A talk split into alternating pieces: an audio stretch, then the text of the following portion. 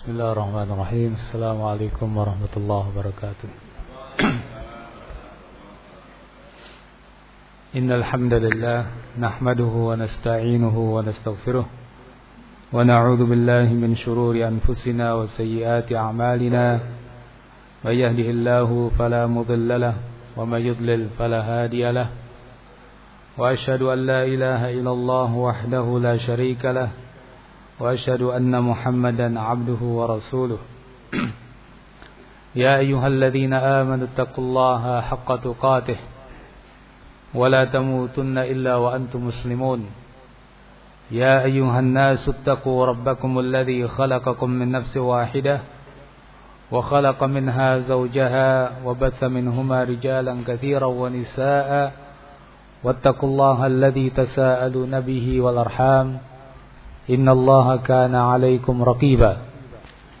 يا أيها الذين آمنوا اتقوا الله وقولوا قولا سديدا يصلح لكم أعمالكم ويغفر لكم ذنوبكم ومن يطع الله ورسوله فقد فاز فوزا عظيما.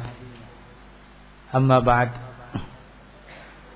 إخواني في الدين رحمكم الله الحمد لله kita ucapkan syukur kepada Allah Subhanahu wa taala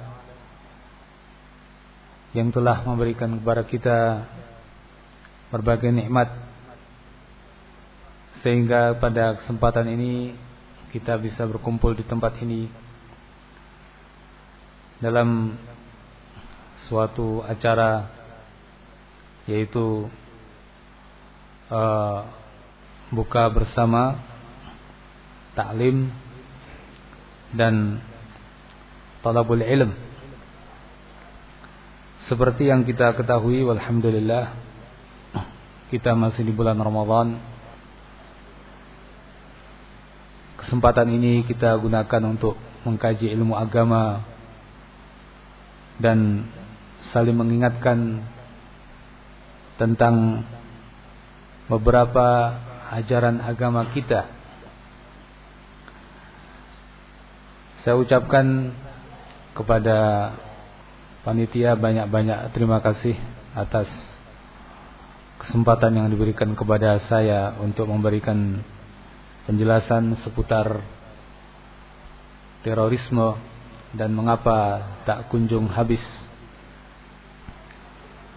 Begitu pula tak lupa saya ucapkan banyak-banyak terima kasih kepada para tamu-tamu undangan dari aparat pemerintah kita dari TNI maupun Polri.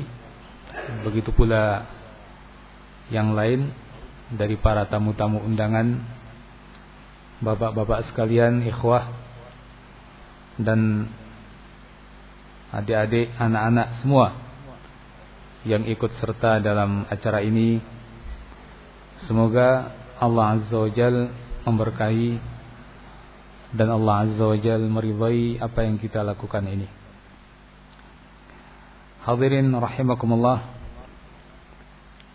Seperti yang tadi telah kita singgung bahwa pada kesempatan ini kita akan membahas tentang salah satu tema penting yaitu mengapa teroris tidak pernah habis.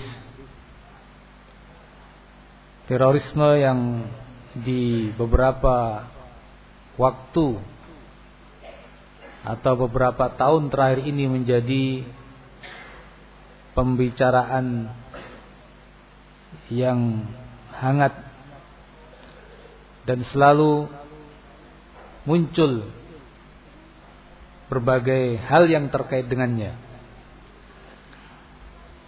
Baik aksi-aksi teror itu sendiri terus muncul Begitu pula tentu upaya dari pemerintah kita semoga Allah Subhanahu wa taala menjaga pemerintah kita. Upaya untuk menghadang aksi-aksi tersebut juga senantiasa dilakukan. Begitu pula berbagai mungkin seminar kajian taklim atau tulisan-tulisan terus bermunculan terkait dengan tema ini. Karena memang sudah menjadi hal yang sangat dimaklumi bahwa aksi-aksi teror ini merupakan sesuatu yang sangat berbahaya dan yang lebih membuat prihatin kita selaku umat Islam bahwa aksi-aksi teror ini diatasnamakan sebagai kegiatan Islami atau sebagai praktek daripada ajaran Islam dianggap sebagai amalan jihad fi sabilillah. Nah, ini bagi kita seorang muslim justru menjadi hal yang sangat memprihatinkan. Kenapa? Dikatakan seperti itu karena kenyataannya sangat bertentangan dengan Islam. Kenapa justru dikatakan sebagai ajaran Islam, ajaran jihad fisabilillah?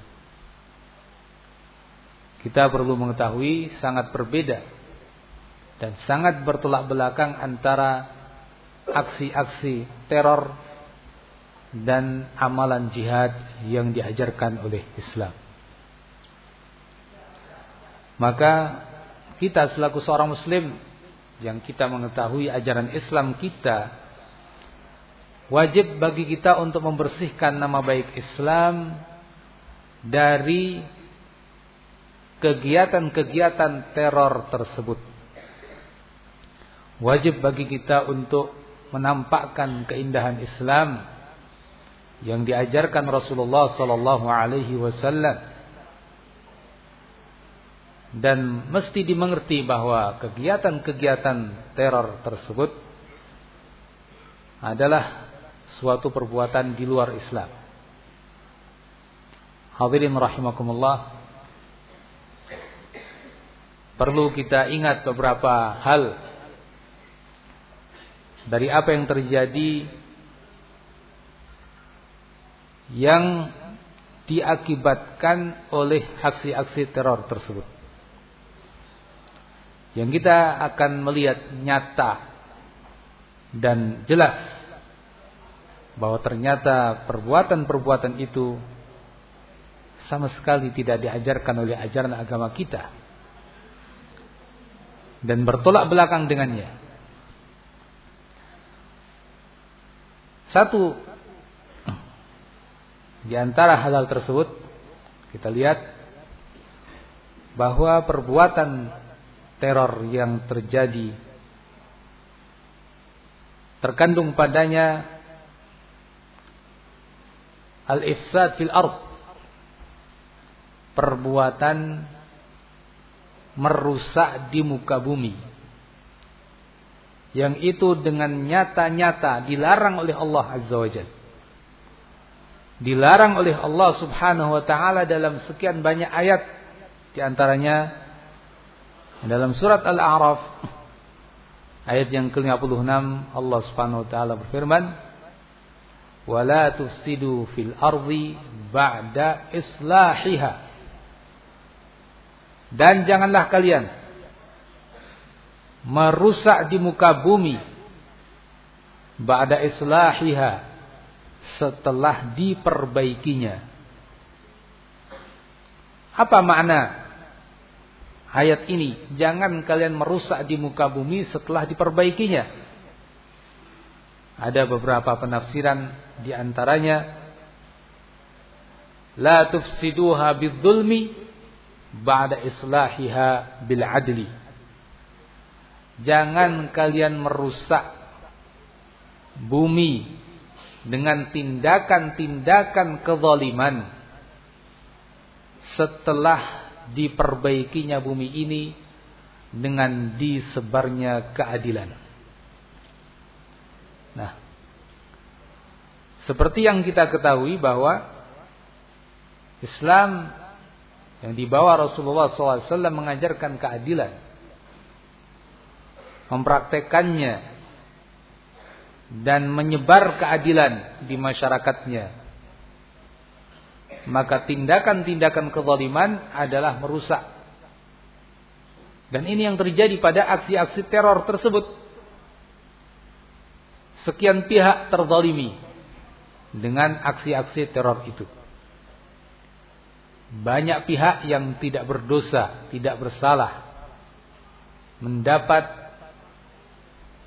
akibat buruk daripada perbuatan-perbuatan teror tersebut sehingga mereka terzalimi. Entah itu anak-anak, orang tua entah itu laki-laki, wanita muslim atau bahkan non muslim sekian banyak pihak terzalimi, rakyat maupun pemerintah. Perbuatan kezaliman ini merupakan salah satu bentuk al-ifsad fil ardi, merusak di muka bumi yang itu dilarang oleh Allah Azza wa Jalla. Dengan perbuatan teror ini pula terjadi pembunuhan-pembunuhan kepada mereka yang tidak berhak untuk dibunuh. Terjadi pembunuhan terhadap muslim. Terjadi pembunuhan terhadap uh, bahkan non muslim yang juga dilindungi oleh muslimin. Karena jiwa yang dilindungi oleh Islam darah yang dilindungi oleh Islam bukan hanya darah muslimin darah muslimin jelas dilindungi oleh Islam. Bahkan darah non muslim pun dilindungi oleh Islam ketika mereka tergolong sebagai non muslim yang hidup di negeri muslimin. Bukan orang yang memerangi Islam dan muslimin atau mereka yang datang dari luar. Orang asing pelancong datang ke negeri muslimin untuk sekalipun hanya bertamasya. Datangnya mereka negeri ke negeri Islam di tengah-tengah kaum muslimin tentu mendapat jaminan perlindungan. Orang-orang seperti itu termasuk orang-orang yang darahnya, nyawanya dilindungi oleh Islam. Maka pembunuhan terhadap semua yang tadi kita sebutkan merupakan pembunuhan bighairil haq. Pembunuhan tanpa alasan dan cara yang dibenarkan.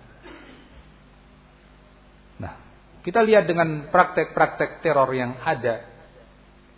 Semua kita tahu yang disasar sembarangan. Ya rakyat, ya mungkin non muslim yang tadi kita sebut atau bahkan aparat pemerintah dari TNI maupun Polri yang mereka bertugas untuk menjaga keamanan. Mereka menjadi sasaran-sasaran aksi-aksi teror tersebut. Seperti yang kita ketahui dan yang terjadi belum lama ini misalnya bom di kampung Melayu juga kurbannya adalah dari aparat kita ya beberapa polisi yang akhirnya wafat disebabkan karena aksi-aksi teror tersebut yang sebelum-sebelumnya kita pun mengetahui hal yang mirip dengannya. Nah, pembunuhan seperti ini adalah sangat bertolak belakang dengan ajaran agama kita, ajaran Islam. Nabi SAW tidak mengizinkan perbuatan-perbuatan tersebut. Nabi tidak membunuh. Para sahabatnya juga tidak membunuh kecuali orang yang memang diizinkan oleh Islam untuk dihukum dengan hukuman itu. Seperti dalam peperangan melawan orang-orang kafir yang diistilahkan dengan kafir harbi. Memang kafir yang perang dengan muslimin. Nah, itu. Memang sebagaimana mereka membunuh muslimin, muslimin pun membunuh mereka. ya perang. Adapun yang tadi kita sebutkan Nabi telah memperingatkan dengan peringatan yang sangat keras. Bahkan dalam ayat Al-Qur'an Allah Azza wa mengatakan dengan ancaman yang begitu berat. Wa may yaqtul mu'minan muta'ammidan fajaza'uhu jahannam khalidan fiha wa ghadiba Allahu alaihi wa la'anah wa 'adda lahu 'adzaban 'azima. Siapa yang membunuh seorang mukmin dengan sengaja membunuh seorang mukmin yakni seorang muslim dengan sengaja dia bunuh maka balasan untuk mereka yang membunuh ini jahannam. Neraka jahannam. Khalidan fiha. Kekal di dalamnya. Wa ghadiballahu alaih. Allah murka kepadanya. Wa la'anah. Allah melaknatinya. melaknatinya. Wa a'adda lahu adaban 'azima dan Allah menyiapkan siksaan yang besar untuknya. Nah, ancaman yang sangat berat sekali bagi mereka yang berani dengan sengaja membunuh seorang muslim.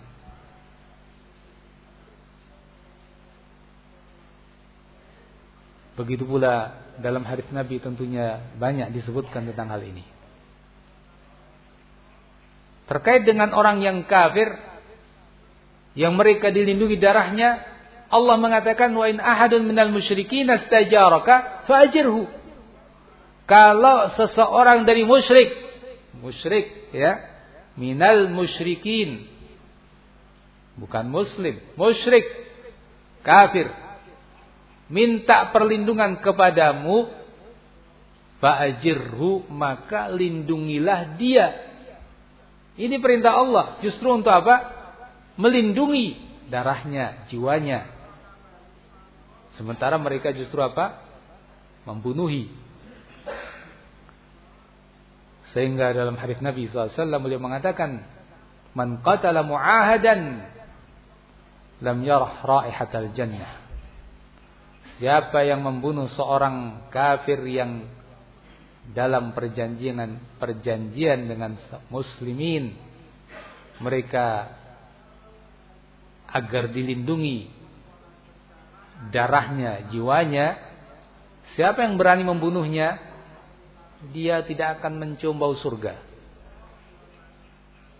Ancamannya apa? Tidak akan masuk ke dalam jannah, tidak akan mencium bau surga. Nah, dan tentu ya kalau kita gali ayat maupun hadis terkait dengan bab ini, pembunuhan ini banyak sekali.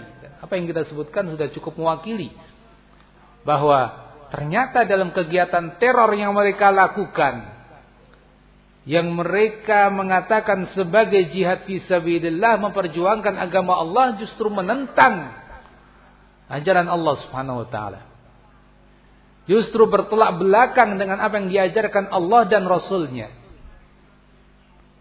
dengan kegiatan-kegiatan pembunuhan tersebut. Nilai satu nyawa mukmin di sisi Allah Azza wa Jal lebih baik daripada dunia dan seisinya ini. La zawalud dunya ahwan Allah min qatli rajulin mu'min. Lenyapnya dunia di sisi Allah lebih apa? ringan daripada terbunuhnya satu orang mukmin. Jadi nilai nyawa seorang mukmin itu tinggi sekali di sisi Allah Azza wa Jal.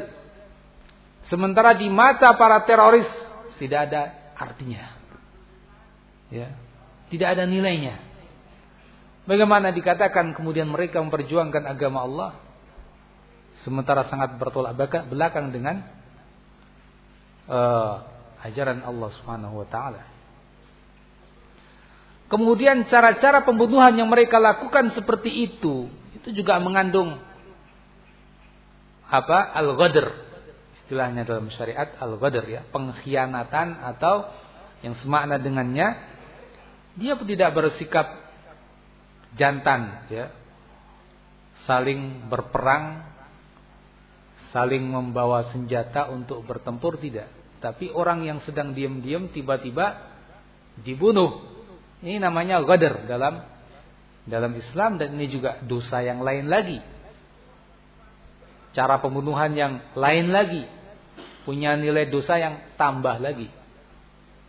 Ya.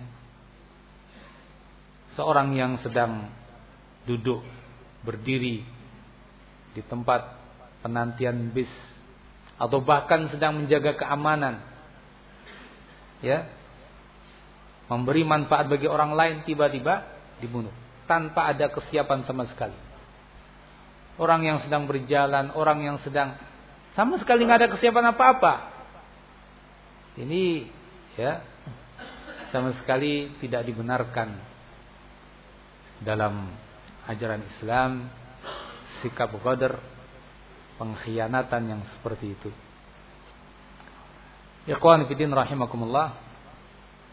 Kemudian dalam aksi-aksi teror tersebut juga terkandung takhwif, menebar rasa takut menebar rasa takut di masyarakat atau menghilangkan rasa aman. Ini juga pelanggaran yang lain dalam agama Islam. Ya. Sekedar menebar rasa takut seandainya pun tidak terjadi pembunuhan, apalagi terjadi. Ini sudah merupakan suatu pelanggaran berat dalam ajaran agama kita. Nabi sallallahu alaihi wasallam bersabda dalam hadis yahillu li mu'minin an yurawi'a mu'minan. Tidak diperbolehkan bagi seseorang yang beriman untuk menakut-nakuti seorang mukmin yang lain. Pernah terjadi di zaman Rasulullah sallallahu alaihi wasallam seorang yang niatnya hanya iseng main-main Apa yang dia lakukan ketika temannya tidur? Senjata yang dia bawa diletakkan tentunya di sisinya. Kemudian dia istirahat. Ternyata senjata yang dia miliki itu diambil oleh temannya disembunyikan. Main-main. Ketika dia bangun kaget ke mana senjata yang saya miliki. Tentu seseorang akan berperasaan takut dan khawatir jangan-jangan diambil musuh untuk kemudian di apa gunakan untuk membunuhnya. Dia bangun dalam kondisi ketakutan. Akhirnya sampai berita itu kepada Rasulullah sallallahu alaihi wasallam. Dan Nabi menegur dengan teguran keras bahwa yang seperti itu tidak boleh. Tidak halal seseorang menakut-nakuti yang lain. Walaupun niatnya hanya main-main. Nah, sehingga kalau yang seperti itu saja dalam ajaran agama kita tidak boleh bagaimana dengan yang lebih daripada itu. Makanya dalam Islam untuk membawa senjata pun seorang itu harus mengikuti adab-adab. Tidak boleh apa? Menghunuskan pedang sembarangan. Ya, kalau sekarang mungkin senapan dan lain-lain, nggak boleh asal bawa-bawa di mana-mana menakut-nakuti orang. Nggak boleh dalam Islam. Moncongnya misalnya dihadapkan ke orang. Pisau dihadapkan ke orang. Tidak boleh dalam Islam. Ya, Dilarang karena ada kekhawatiran dan memang membuat orang takut. Seperti itu. Dalam ajaran agama kita yang mulia ini sudah tidak diperkenankan. Walaupun sekali lagi main-main orang mengatakan hati-hati kamu dengan pisaunya. Kenapa kamu begitu? Saya cuma bercanda saja. Tidak boleh. Bagaimana dengan yang sengaja meledakkan atau mengancam walaupun apa main-main, telepon Hati-hati. Ya, mall ini akan saya bom. Main-main, tidak boleh. Dalam Islam nggak boleh. Ya. Kalau betul-betul terjadi pengeboman, betul-betul terjadi pembunuhan, merebaklah rasa takut di masyarakat. Ini sangat bertolak belakang dengan ajaran agama kita. Allah Subhanahu wa taala memberikan kepada kita rasa aman itu nikmat besar dan Allah sebut nikmat keamanan ini dalam beberapa ayat. Di antaranya dalam ayat yang kita apa? hafal. Alladzi at'amahum min ju' wa amanahum min khauf. Allah lah yang memberi makan kalian dari rasa lapar. Dan Allah yang memberi keamanan kalian terhindar dari rasa takut. Dua nikmat besar.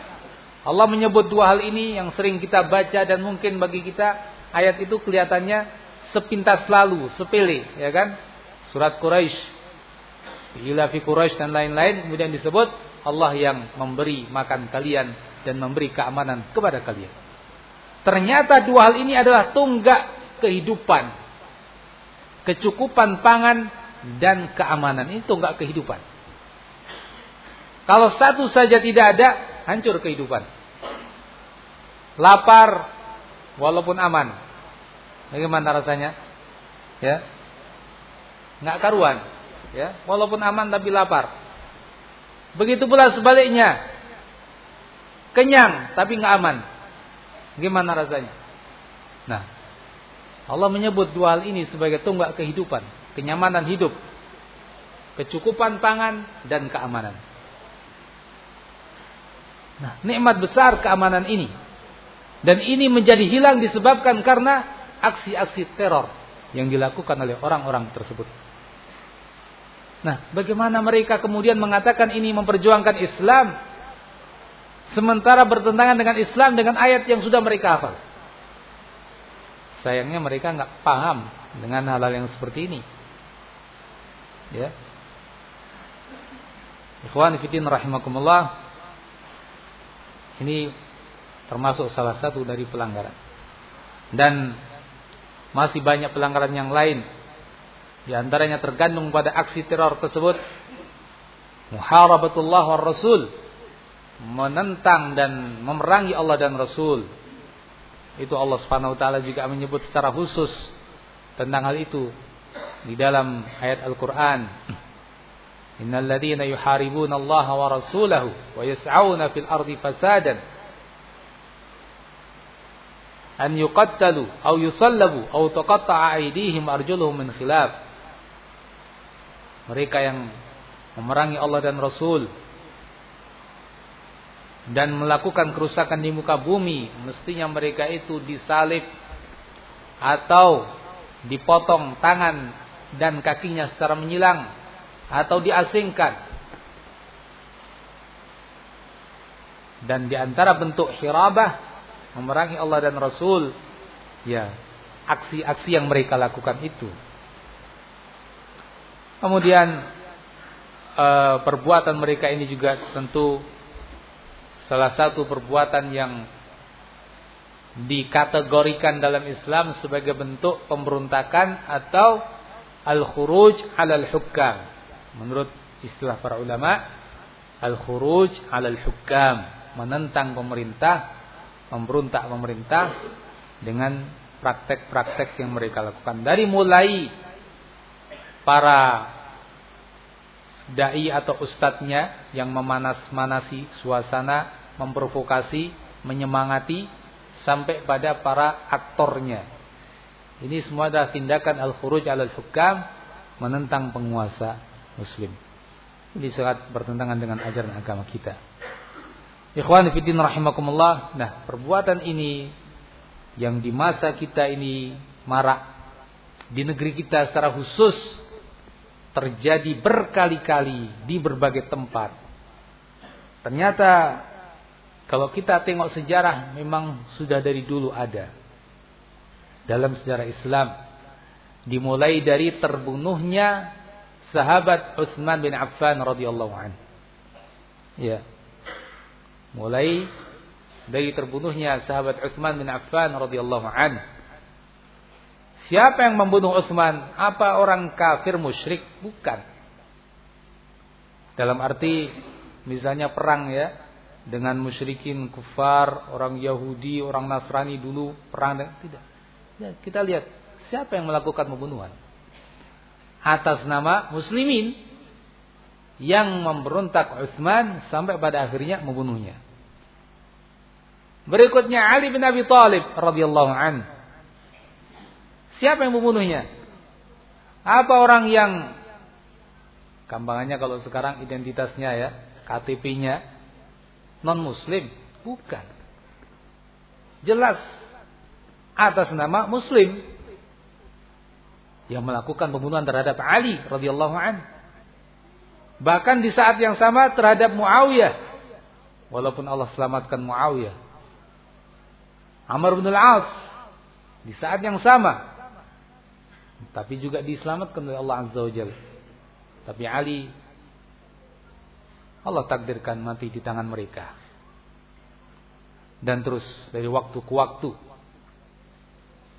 Nah, ini dengan melihat kepada sejarah tersebut ternyata memang ada saja orang-orang yang seperti itu yang kalau kita lihat ya pemikiran mereka, ideologi mereka ada benang merahnya. Kata orang ada benang merahnya, ada sambungannya, kaitannya. Dan ternyata Nabi pun mengabarkan bahwa orang-orang yang seperti itu akan terus ada sampai nanti munculnya Dajjal pun akan ada. Nah, diberitakan oleh Rasulullah SAW dalam hadis yang diriwayatkan oleh Ibnu Majah dan juga oleh ulama yang lain dari sahabat Abdullah bin Umar radhiyallahu an anna Rasulullah sallallahu alaihi wasallam qaal yansha'u nash'un yaqra'una al-Qur'an la yujawizu taraqiyahum kullama kharaja qarnun kuti' yansha akan muncul kata Rasulullah. Berita kenabian beliau dapat berita dari mana dari Allah azza wajal Allah yang mewahyukan kepada beliau. yansha'u qarnun akan muncul. nas'un nas'un ini suatu kelompok anak-anak yang muda. Ya. Ya al-Quran. Mereka itu membaca Quran. Bukan orang yang tidak kenal Quran. Bukan orang yang anti Quran. Bukan orang yang betul-betul identitasnya non-muslim. Bukan. Tapi Yaqra'unal Quran mereka itu orang-orang yang membaca Quran. Bahkan mungkin sebagiannya ahli. Membaca, menghafal. Tapi kata Rasulullah, la yujawizu taraqiyahum tidak melewati tenggorokan mereka. Disebutkan oleh para ulama, jadi hanya di mulut, tidak sampai ke dalam kolbu mereka dan mereka pahami dengan benar ayat-ayat itu. Ya, dan itu terbukti. Mereka tidak memahami ayat-ayat Al-Qur'an. Kullama kharaja qarnun kuti' tiap kali muncul qarnun ya kelompok dari mereka muncul kuti' akan ditebas. Kemudian uh, kata Abdullah bin Umar radhiyallahu anhu sami'tu Rasulullah sallallahu alaihi wasallam saya mendengar Rasulullah mengatakan yang seperti itu. Kullama kharaja qarnun kuti' tiap kali muncul satu kelompok akan ditebas. Aksar min ishrina marrah lebih daripada 20 kali. Nabi mengulang-ulangnya sampai lebih dari 20 kali. Hatta yakhruja fi iradihim atau fi aradihim ad-dajjal sampai nanti keluar di pasukan di tengah pasukan besar mereka itu Dajjal. Kapan keluarnya Dajjal? Akhir zaman. Muncul di pasukan beras besarnya mereka itu Dajjal nanti. Nah, ini berita kenabian. Kita beriman dengan sabda Rasulullah SAW. Jadi hadirin rahimakumullah, kalau begitu memang akan terus ada ini. Kelompok ini akan terus ada dan terbukti ya. Tadi kita sebutkan sejak zaman Khalifah Utsman yang terbunuh di tangan mereka sampai sekarang sudah berapa uh, tahun? Sekarang 1438 ya kan? Ya, dikurangi khilafah Abu Bakar dan Umar. Abu Bakar 2 tahun, Umar 10 tahun. Nah, dari zaman itu sampai sekarang sudah sekian tahun ada lagi, ada lagi. Sehingga memang mereka itu akan hanya tenggelam sejenak, nanti muncul lagi. Timbul tenggelam. Tidak akan habis, betul-betul habis. Nah, hadirin rahimakumullah, terus bagaimana ini? Nah, ini sudah sunnatullah, ya kan? Terus bagaimana? Apa kita biarkan tidak bisa? Justru itu lahan perjuangan kita untuk terus berusaha memadamkan mereka. Sekalipun tidak akan betul-betul padam, tapi paling tidaknya akan terkurangi. Jadi bagi muslim, bagi seorang muslim mesti menyadari bahwa ini suatu kenyataan yang tidak bisa dipungkiri. Kita sebagai rakyat biasa, kita sebagai guru ngaji, berjuang untuk melawan mereka semampu kita dengan penjelasan, dengan keterangan. Bapak-bapak yang sebagai aparat pemerintah TNI maupun Polri juga menyadari hal ini dan berjuang untuk memadamkan mereka. Sebagai seorang muslim, niati bahwa ini adalah bagian daripada mengamalkan agama. Sehingga ketika memerangi mereka punya nilai mengamalkan agama yang akan memperoleh pahala. Jadi seandainya dalam perjuangan ini akan memakan kurban, maka berbahagialah. Karena kata Rasulullah SAW adalah sebaik-baik orang yang terbunuh adalah yang dibunuh mereka. Dan sejelek-jelek mayat adalah mereka. Orang-orang khawarij. Para teroris yang mengatasnamakan Islam. Yang mereka sesungguhnya memiliki satu keyakinan yang sama dari dulu sampai sekarang. Ideologi yang sama, yaitu yang disebut dengan ideologi khawarij. Ya. Ideologi khawarij. Intinya adalah apa?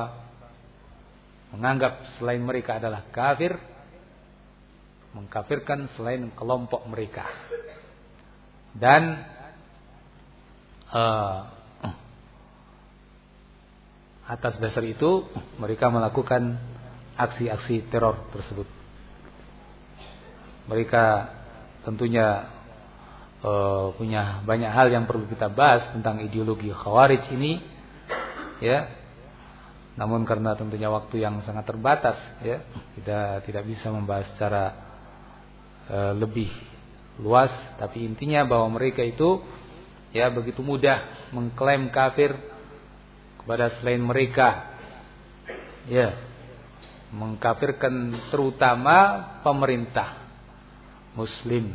Itu yang menjadi sasaran utama, kemudian berikutnya yang lain yang lain yang dianggap loyal kepada mereka. Nah, sesungguhnya mereka ini kalau di masa ini ya muncul pemikiran dan tumbuhnya itu nasya'a tadi munculnya itu kalau di masa ini zaman-zaman sekarang periode zaman-zaman sekarang ini munculnya dari pemikir-pemikir ikhwanul muslimin. Ya kelompok ikhwanul muslimin ini biangnya. Di situ muncul orang yang namanya Said Kutub ini biangnya takfir di masa ini. Sebelumnya dia sangat terpengaruh dengan seorang yang bernama Abdul A'la Al-Maududi Pakistan. Ya ini biangnya di abad ini. Kemudian yang mempopulerkan dan semakin menyebarkannya adalah Sayyid Kutub dengan buku-bukunya. Ya Ma'alim fit Tariq, fi Bilalil Quran dan lain-lain. Karena Di antara hal yang tersebut di buku-buku itu menurut dia bahwa umat ini telah murtad. Walaupun mengumandangkan azan dengan la ilaha illallah tanpa mengetahui maknanya. Dikatakan dengan jelas oleh dia bahwa umat ini telah murtad. Ya. Nah ini Said Kutub. Ya, ini dari kelompok Ikhwanul Muslimin. Hasan al-Banna. Ya. Dan seterusnya. Dari kelompok tersebut. Nah, muncul dari situ nanti apa? HTI juga dari Ikhwanul Muslimin. Ya, HTI juga muncul dari Ikhwanul Muslimin. Dan yang lain ya eh, kelompok-kelompok yang lain munculnya dari sini. Nah, itu yang menjadi biangnya di masa ini. Maka dari itu buku-buku mereka mestinya di dilarang mestinya. Banyak sudah diterjemahkan dalam edisi bahasa Indonesia. Nah, kenapa tidak terus habis ya? Karena ini terus terus ada, pemikiran ini terus ada. Akhirnya terus membuat ideologi disebar dalam buku, disebar dalam tulisan-tulisan di internet, ya, dan berbagai sarana pendidikan memuat pemikiran-pemikiran mereka ini. Bagaimana mau sirna? Kalau itu terus ada. Dan kita nggak bicara hanya di Indonesia saja, di Indonesia saja. Tempat-tempat lain pun sama seperti itu. Maka di antara upaya yang sangat penting dalam hal ini adalah buku-buku Sayyid Kutub dan teman-temannya ini mestinya dilarang. Ya, tulisan-tulisannya di internet mestinya dilarang. Dan tentunya aparat pemerintah kita lebih mengetahui ya cara-cara seperti itu. Ya, ini hanya uh, apa saran ya dari kita dan dari tentunya uh, apa teman-teman yang melihat tentang bahayanya hal-hal tersebut. Oleh karena itu, ikhwan fillah rahimakumullah, selama pemikiran-pemikiran mereka itu tersebar ya akan terus ada. Maka kita berusaha ya, semampu kita dengan berbagai cara yang kita bisa lakukan kita akan berusaha untuk menghalau dan menghadang pemikiran-pemikiran mereka itu dan kita akan berusaha untuk menyadarkan umat tentang bahayanya hal ini. Demikian hadirin rahimakumullah karena waktu yang sangat terbatas ya ini sudah diingatkan ya, bahwa sebentar lagi akan maghrib. Mohon maaf yang sebesar-besarnya atas kekurangan kekurangan yang ada dalam e, kajian ini.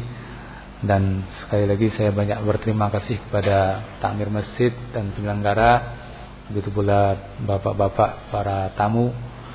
Semoga ini semua menjadi amal ibadah kita. Wallahu a'lam bissawab. Subhanakallahumma bihamdik. Asyhadu an la ilaha illa anta astaghfiruka wa atubu ilaik. Wassalamu alaikum warahmatullahi wabarakatuh